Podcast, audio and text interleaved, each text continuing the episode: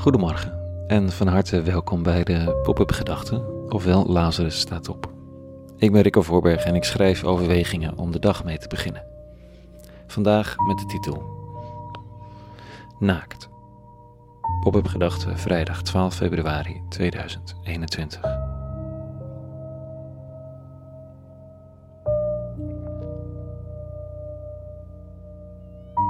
Als je bang bent voor een publiek waar je voor moet spreken, moet je ze naakt voor je zien, zeggen sommigen. Ik heb dat nooit helemaal begrepen. Het lijkt me al bijzonder afleidend, een zaal vol naakte mensen. Het komt misschien omdat ik niet zo vaak voor een zaal sta met strak geklede mensen in een pak met zo'n rimpel boven hun neus.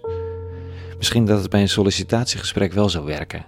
Dat er drie mensen achter zo'n tafel zitten, stropdas, mantelpak, dat idee. En dat je dat even wegdenkt blijken het gewoon mensen die ook in de sneeuw spelen, schaatsen gaan zoeken als er ijs ligt en met hun kinderen met de autootjes spelen. Er is iets met naaktheid. Er zijn er die het tot levensvorm hebben verheven, de naturisten. Voor de meesten is naaktheid verder beperkt tot de binnenkamer, eventueel de sauna. Er hangt soms schaamte omheen, snel de gordijnen dicht. Hier in Amsterdam wat minder, iedereen kijkt toch al bijna bij elkaar naar binnen. Maar verder is het toch een privézaak. En dat zal niet anders geweest zijn in bijbelse tijden. Misschien nog wel een heel stuk ingewikkelder, die naaktheid. En toch zijn de eerste mensen in de verhalen naturisten. En het is niet eens een keus. Waarom, vraag ik me vandaag af. Het is zo'n totaal bekend verhaal dat je niet meer je afvraagt waarom die twee liepen waarom die eerste vertellers van de verhalen van de schepping elkaar vertelden dat de mens naakt liep en dat dit volkomen vanzelfsprekend was. Misschien dat ik het te veel lees vanuit onze westerse cultuur, die wat meer geobsedeerd is met kleding dan bijvoorbeeld de natuurvolken. Maar toch, naaktheid is ook een teken van vertrouwen. Echte naaktheid dan. Niet de naaktheid van de billboards of de naaktheid van de porno. De naaktheid van partners die elkaar kennen, de naaktheid van ouders en hun kleine kinderen. Zelfs de naaktheid van de sauna is een teken van vertrouwen. Al is dat een ander vertrouwen. De naaktheid van de sauna gaat niet per se over kwetsbaarheid, maar over een ander normaal.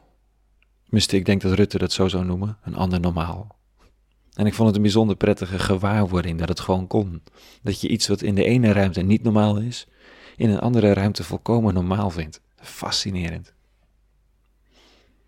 Maar goed, naaktheid is vertrouwen. Wat willen die oude verhalen? Wat wil dat beeld van een naakte man en vrouw die wonen in een onontgonnen aarde in een hof van Eden?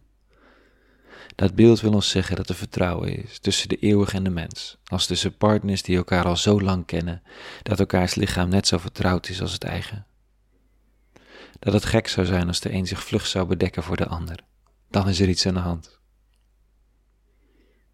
En natuurlijk gebeurt er dan van alles in die relatie tussen God en mens. Zo begint het verhaal zich te ontrollen. De openingsscène is de tuin, de naaktheid, het vertrouwen.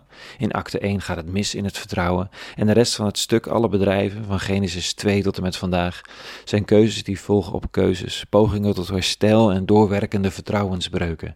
Therapeutische momenten van samen zijn en nieuwe leefregels om het toch met elkaar uit te houden. Paniek of het ooit nog goed komt. En steeds weer een nieuwe start.